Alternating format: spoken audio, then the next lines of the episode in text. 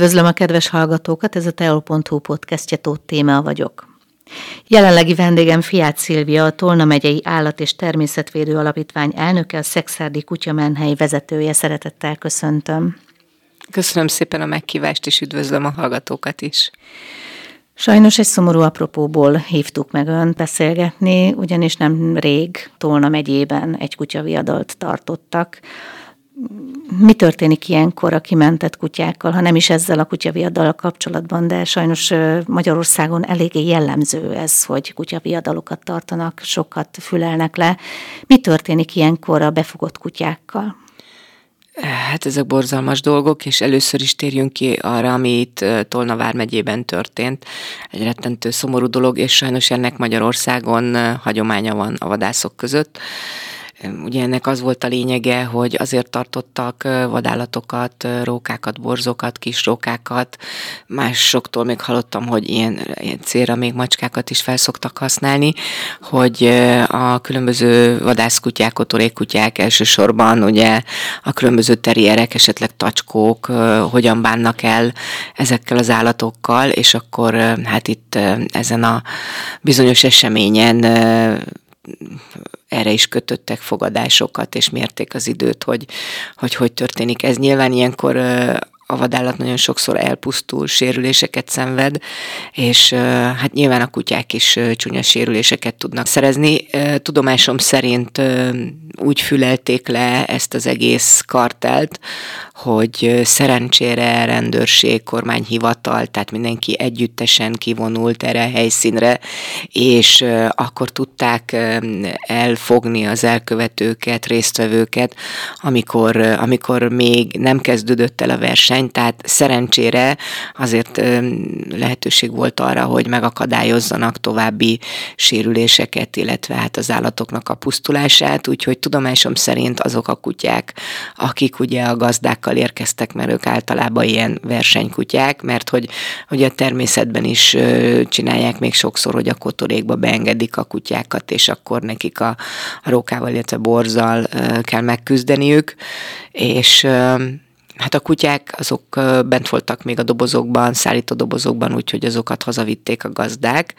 Nyilván a, a rendőrség és a hatóságok azok igazoltattak és lajstromba vettek mindenkit, mert hogy a az állatviadaloknak, és ez annak minősül, az állatviadaloknak a szervezése, az azon való részvétel, illetve az arra való állatoknak a, a tenyésztése, tartása, ez egy elég komoly büntetési tétel, és most ez egy tágfogalom, de mondhatom azt, hogy egy és öt év közötti letöltendő szabadságvesztést lehet kiszabni emiatt. Mm, a BTK ebben a szempont, ebből a szempontból elég szigorú, és nagyon reméljük, hogy ebben az esetben is igen szigorú büntetést fognak kiszabni a szervezőkre, a résztvevőkre. Úgyhogy erről ennyit tudunk, illetve annyit tudunk, hogy, hogy a Rókales Alapítványt is értesítették akik az ilyen elsősorban rókáknak az elhelyezésével foglalkoznak, és hát nagyon dicséretes dolog, mert ugye a vadállatokat ugye menteni is nagyon-nagyon bonyolult feladat, és szerencsére tudomásunk szerint ők azokat az állatokat, amiket muszáj volt elszállítani, elszállították, és gyógyítatják, rendezik őket, és hát nyilván voltak ott olyan vadállatok is, akik nem szenvedtek sérülést még annyira, esetleg is el tudták őket engedni, tehát erről a történetről így ennyit tudunk, és nagyon reménykedünk abban, hogy a, a bírók nagyon szigorúak lesznek, és az ügyészek is kellően szigorú büntetést kérnek majd a, a résztvevőkre, elkövetőkre. Csak szeretnék egy példát hozni, hogy ez, ez nyilván nem csak Tolna megyei jellemző, de sok évvel ezelőtt egy másik, mondhatnám, hogy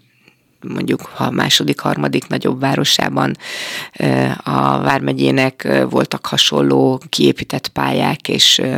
rókákat tartottak az ilyen versenyekre, és hát igen nagy küzdelem volt számunkra, hogy, hogy ezeket a versenyeket beszüntessék, és, és véget vessenek ennek. No, igaz, hogy ez sokkal régebben volt, tehát, hogy, hogy a mai törvényi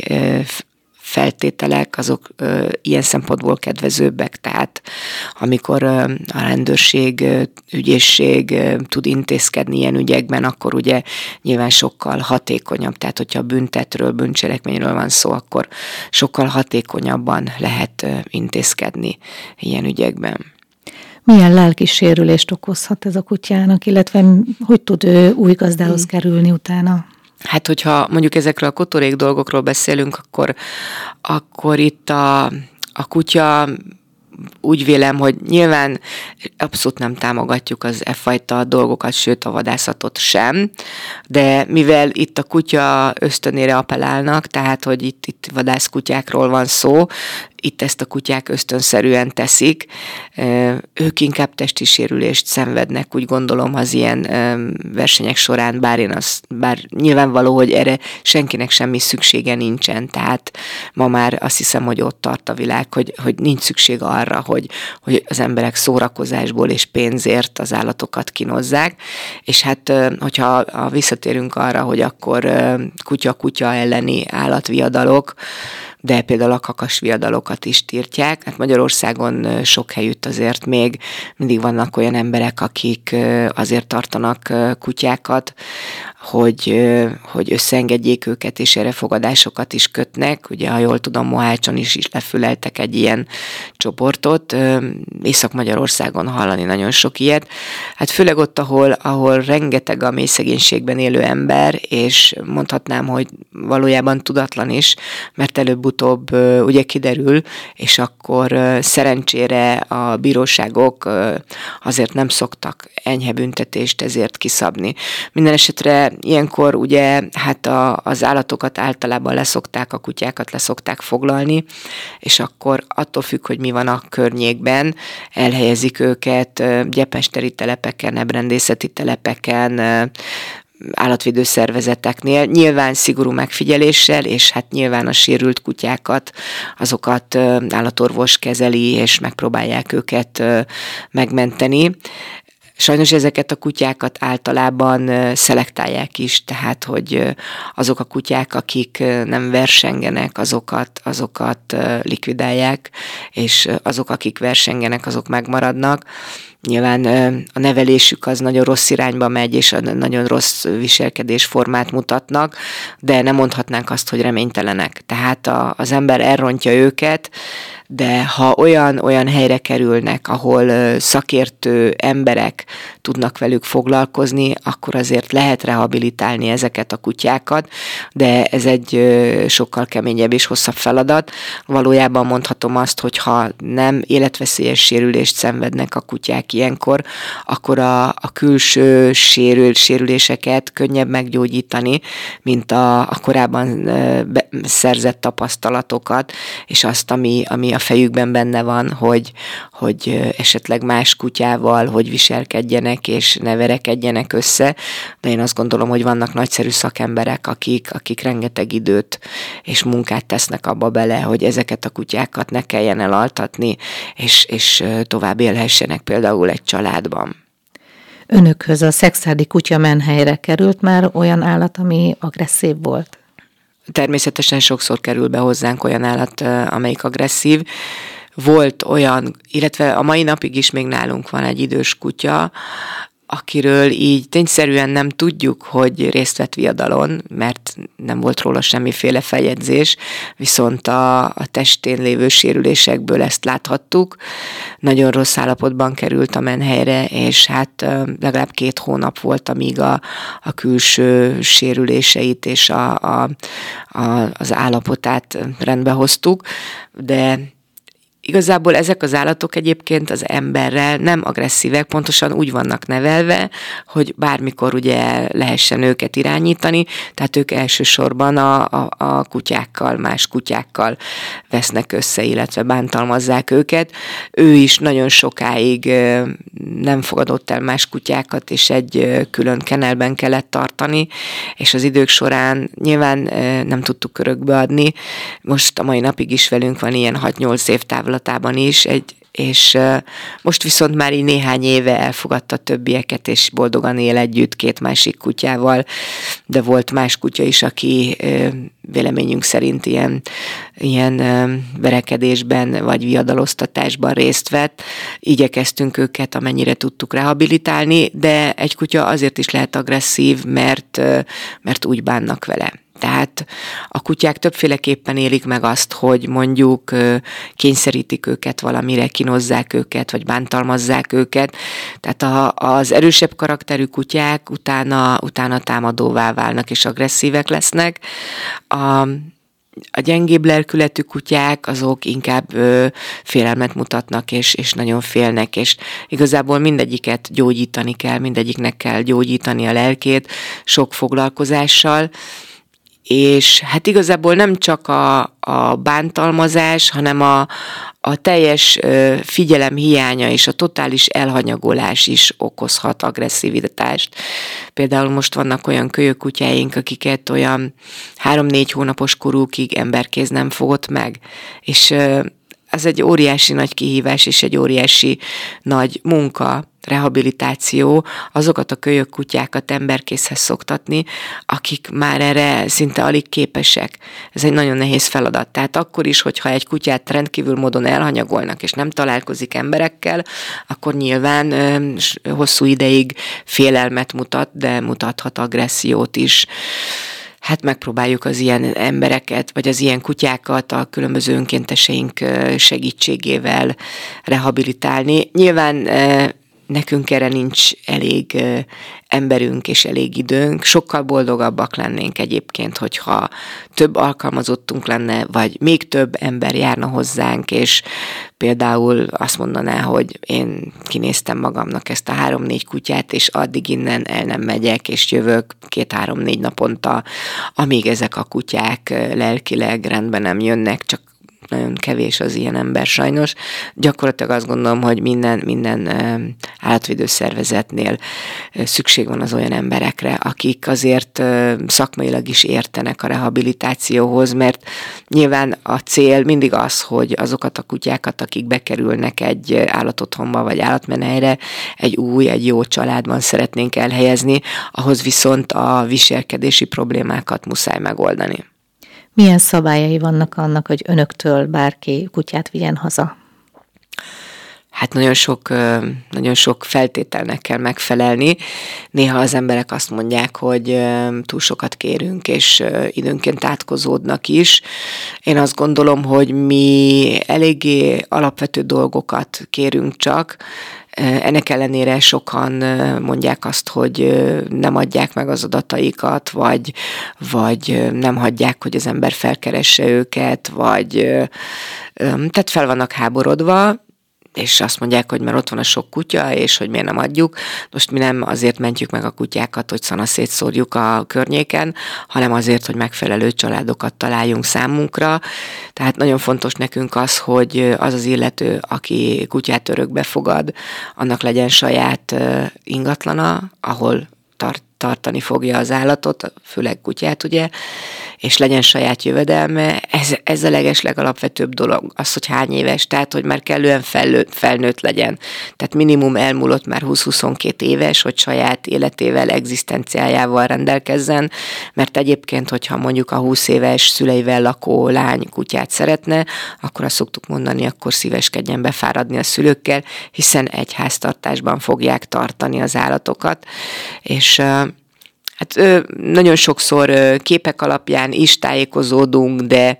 nagyon sokszor úgy adunk örökbe, hogy a környéken, és akkor vagy előtte elmegyünk megnézni azt, hogy milyenek a körülmények, illetve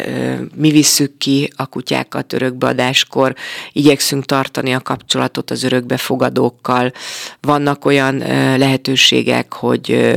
a komoly szándékú embereknek nyilván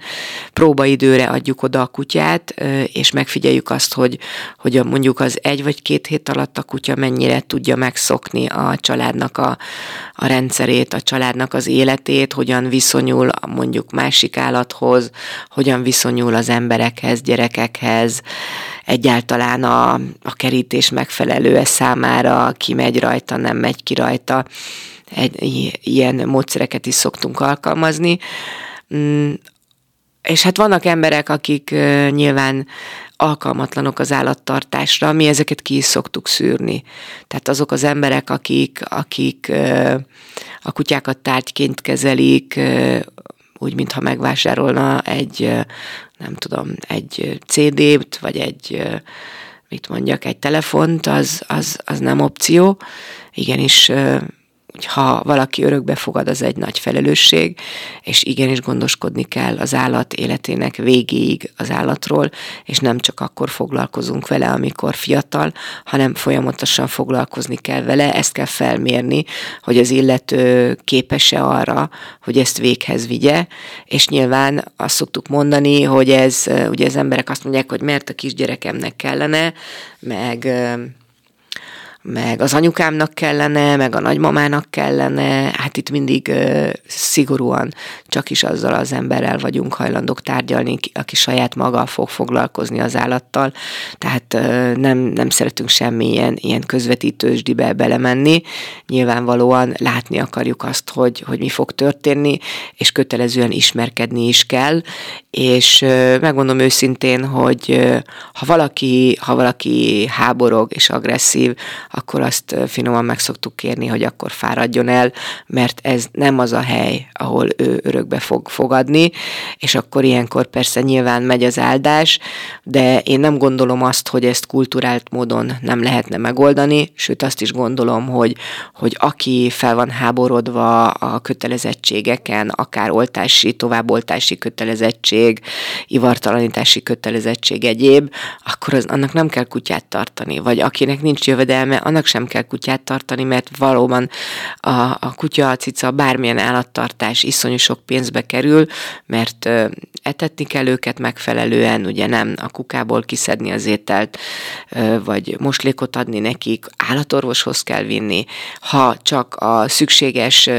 látogatásokra, oltásokra kell vinni, az is sokba kerül. És hát még van egy ilyen probléma, amin aztán igazán nagy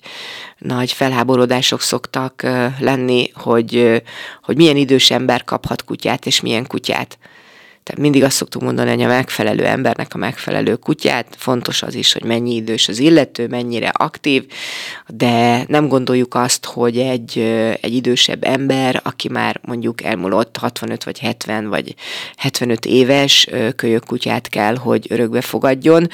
Szoktunk más alternatívákat kínálni, de ha valaki nem érti meg azt, hogy egy kölyök kutyával nap mint nap kell foglalkozni, meg kell tanítani dolgokra, mert egyébként a gyerekeknél is úgy van, hogy abból lesz egy értelmes, normális gyerek, akivel foglalkoznak. A kutyával is így van, hogyha kirakják a kertbe kerti törpének, soha nem fog megtanulni semmit. Igenis, tanítani kell, foglalkozni kell, vannak olyan fajták, akikkel fontos is kutyaiskolába járni, megtanítani alapvető engedelmességi dolgokra, és persze mi mindenkit arra biztatunk, hogy ezeket tegye meg, és vannak olyan kutyák, akikkel rengeteget kell mozogni. Tehát mi általában nem gondoljuk azt, hogy az idős embereknek kölyökkutyát kellene vállalni, leginkább azért, mert nagyon sok rossz tapasztalatunk van, tehát sok kutyától válnak meg azért, mert nagytestű, mozgékony, bármilyen kölyök kutyát odavittek neki a felelőtlen gyerekei vagy unokái, és aztán a nagymama rájön arra, hogy ő nem bír a kutyával, mert fellöki, kiássa a kertjét, tönkretesz mindent, elhord mindent, nem tud vele már sétálni, nem tud vele ritmust tartani, a csirkéit megfogja. Tehát, hogy ezeket a dolgokat mind-mind át kell gondolni, és nagyon szomorú vagyok, hogy ezek az idős emberek, mert hogy ő egyedül van, és hogy szeretné meg, stb. Ezek az idős emberek ritkán értik meg azt, hogy miről beszélünk, de a legszomorúbb az, hogy sem a gyerekeik, sem az unokáik nem értik meg azt, hogy, hogy valójában itt miről van szó. A pozitívum a dologban az, hogy azok az idős emberek, akik megértették azt, amit elmondtunk, és azt mondtuk, hogy, hogy a, a kora és aktivitása alapján önnek ajánlunk egy 5-6 vagy 8 éves kutyát, aki le van nyugodva, aki átesett már minden műtéten oltáson, önnek már csak a, a havi, illetve a, a havi védekezést bolhakullancsen, illetve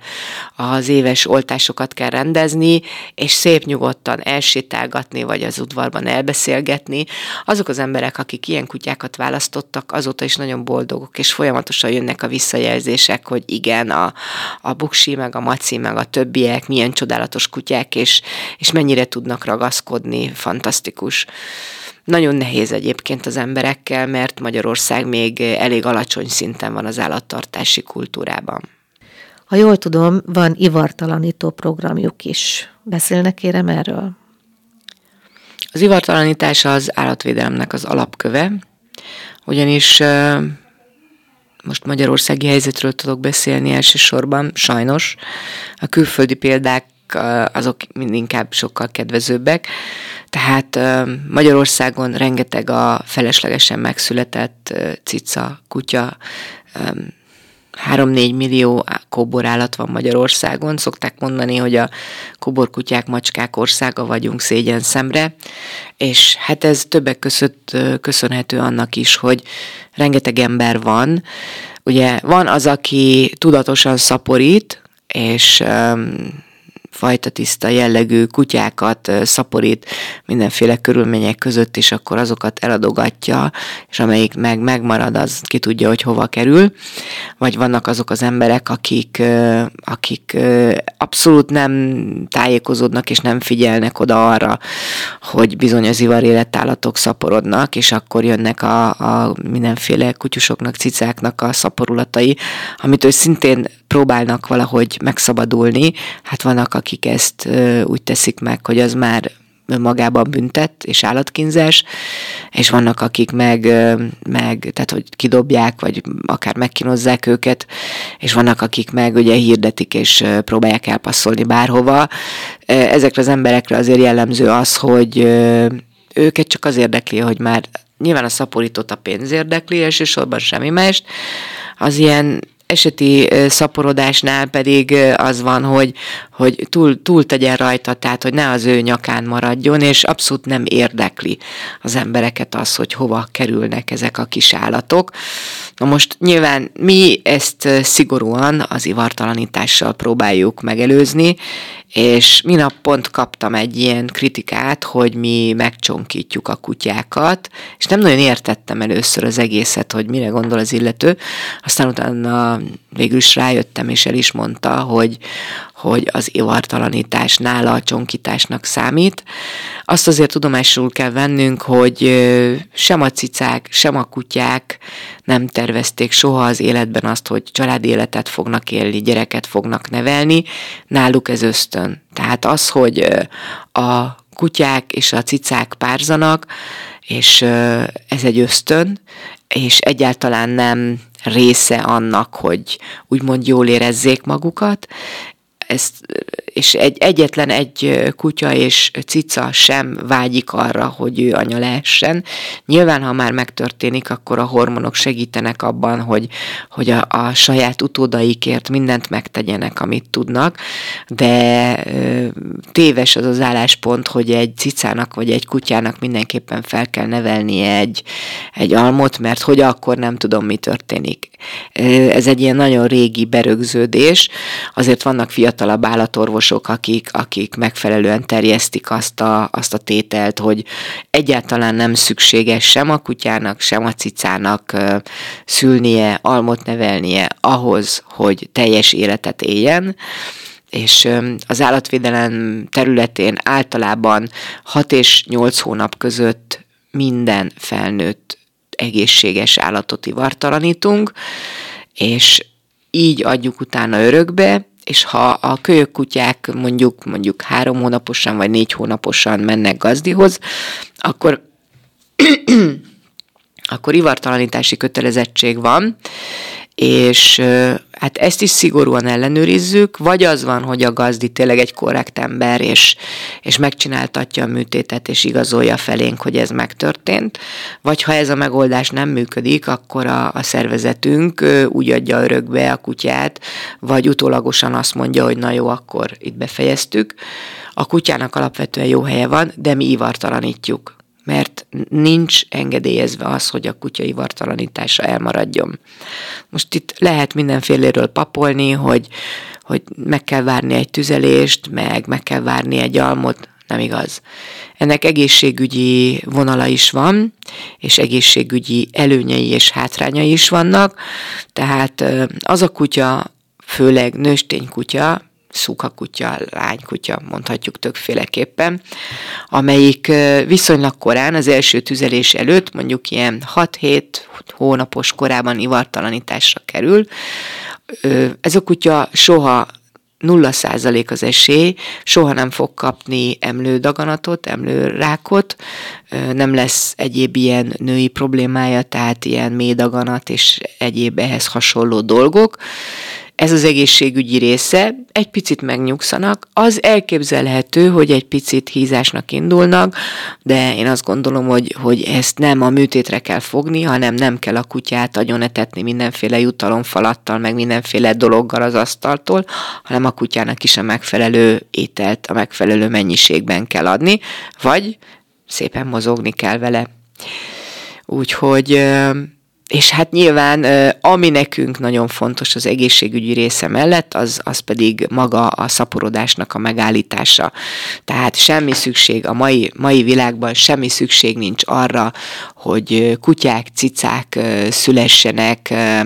akik aztán az utcára kerülnek, sintértelepre, menhelyekre, mert egyszerűen, és a, egyszerűen nincs hova tenni őket. Tehát már így is túlszaporodás van, és ilyen posztokat is néha láttam, hogy véleményeket, hogy, hogy tehát mi lesz akkor, hogyha mindenkit kivartalanítanak, akkor ki fognak halni a kutyák meg a macskák.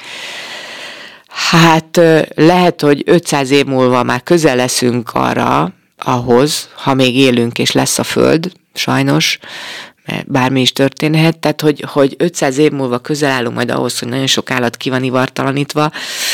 de azt gondolom, hogy az elkövetkező 50 évben ettől nem kell félni, hogy, hogy mondjuk a kutyák, macskák kihalnának amiatt, mert elvégeztetjük ezeket a, ezeket a műtéteket. Nagyon sokat kell foglalkozni az emberekkel ahhoz, hogy megértsék ennek a lényegét, és amikor, amikor nem tudom, 6-8 évesen mélygyulladással rohannak az orvoshoz, akkor ugye meglepődnek, hogy de hát mi mindent megtettünk. Hát igen, nem lett ivartalanítva a kutya, és most ott áll a esetleg a halál szélén, és meg kell műteni, és most viszont a nagyon rossz állapotában kell ivartalanítani, ahhoz, hogy meggyógyulhasson. Egyébként vannak, vagy hát indítottunk projekteket, illetve próbáltunk pályázatokat nyerni, támogatást nyerni az ivartalanításra. A telepünkre kerülő kutyák ivartalanítására nyertünk 2 millió forint támogatást, amin már rég túl vagyunk, tehát hogy már legalább 4-5 millió forintot költöttünk el a telepünkre bekerülő kutyák ivartalanítására, azon felül pályáztunk 1 millió forintot a szexárdi mély élő emberek kutyáinak, lánykutyáinak ivartalanítására, és hát ebben nagyon-nagyon sok munkánk van benne. Tehát azokat az embereket, akik mély szegénységben, a periférián élnek, nem tudnak megfelelően tájékozódni, vagy nem is akarnak, anyagi lehetőségeik nincsenek, nagyon nehéz meggyőzni arról, hogy, hogy itt adott egy ilyen akár 40-50 ezer forintos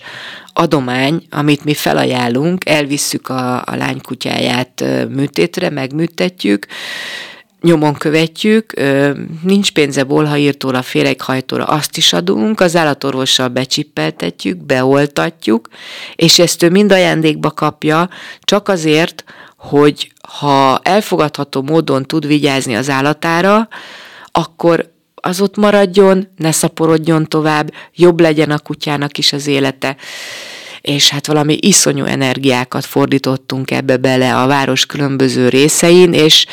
nehéz, nehéz, minden egyes kutyáért meg kellett küzdenünk. Aztán voltak már pozitív tapasztalatok is, amikor már látták azt, hogy a, a szomszédét is visszavittük, és, és még kiskönyve is van, és még oltása is, még csipje is, akkor azért néhányan így könnyebben belementek ebbe a történetbe. Egyébként még jelen pillanatban is van, azt hiszem, talán nyolc helyünk körülbelül, ahova még keressük a megfelelő jelentkezőket. Ugye az alapfeltétel a szexárdilag cím, az, hogy egészséges nőstény kutya legyen, és, és normál körülmények között legyen, tehát ha az utcán van az állat, akkor nyilván mi azt nem tudjuk visszatéríteni a megfelelő helyre,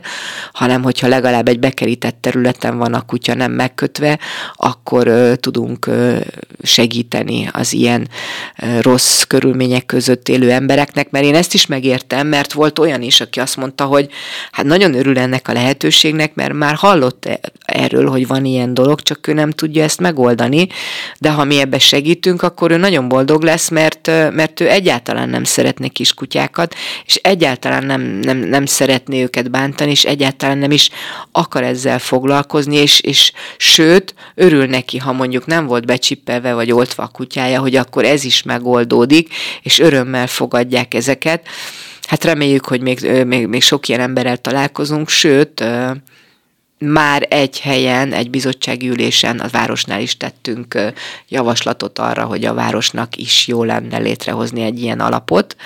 és mi dolgozunk benne, nagyon sok munka, de szívesen dolgozunk benne, mert tudjuk azt, hogy azért ez a, az elkövetkezendő egy-két-három évben meghozza az eredményét, bízunk benne. Úgyhogy még a továbbiakban is fogjuk javasolni más bizottságoknak is, hogy indítsanak el egy ilyen, egy ilyen kasszát, amiben összegyűjtenek valamennyi pénzt, és abból is tudjuk majd a, a